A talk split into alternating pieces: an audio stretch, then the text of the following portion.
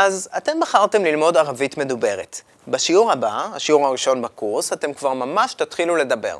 אבל לפני זה בואו נבין רגע, מה הכוונה בערבית מדוברת? מה ההבדל בינה לבין הערבית הספרותית?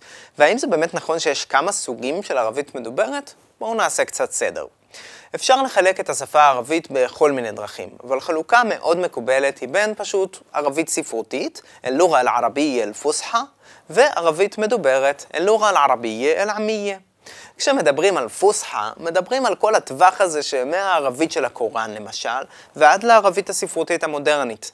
את הערבית המודרנית הזאת אנחנו מוצאים בחדשות, בספרים, בשירה, בנאומים, בכתיבה רשמית יותר, בטפסים.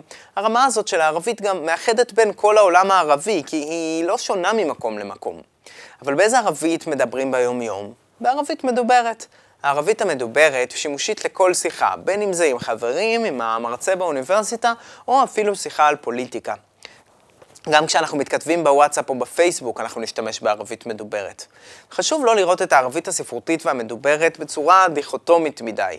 צריך לזכור שכמו שאמרתי, אפשר לכתוב בערבית מדוברת, כמו למשל ברשתות החברתיות, אבל אפשר אפילו לדבר בערבית ספרותית, גם אם יש כאלה שקוראים לה הערבית הכתובה.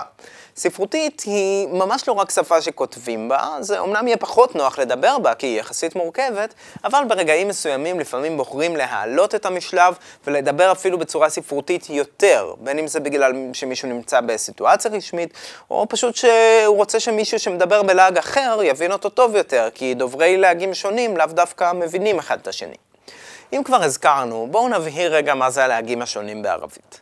בעיקרון זה סיפור ארוך ומרתק מאוד, אבל אפשר להגיד שכל דובר ערבית מדבר בלעג מסוים. מה משפיע על הלעג הזה? בדרך כלל הלעג מושפע מהמקום הגיאוגרפי, נגיד המדינה, העיר, הכפר המסוים, האזור שבו הוא גדל או גר הרבה שנים, או שהוא מושפע מגורמים נוספים, כמו הדת שלו, המגדר שלו וכדומה.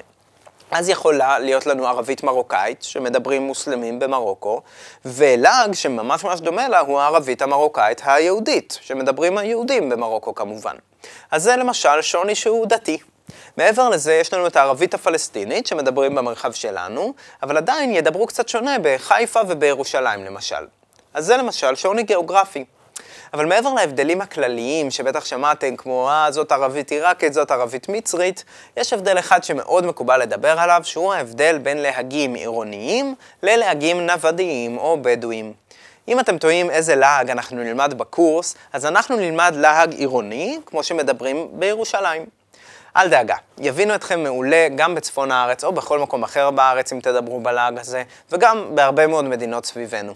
לאט לאט אתם כבר תגלו ותבינו יותר מה ההבדלים בין הלהגים השונים, וגם תכירו מאפיינים מפורסמים שלהם.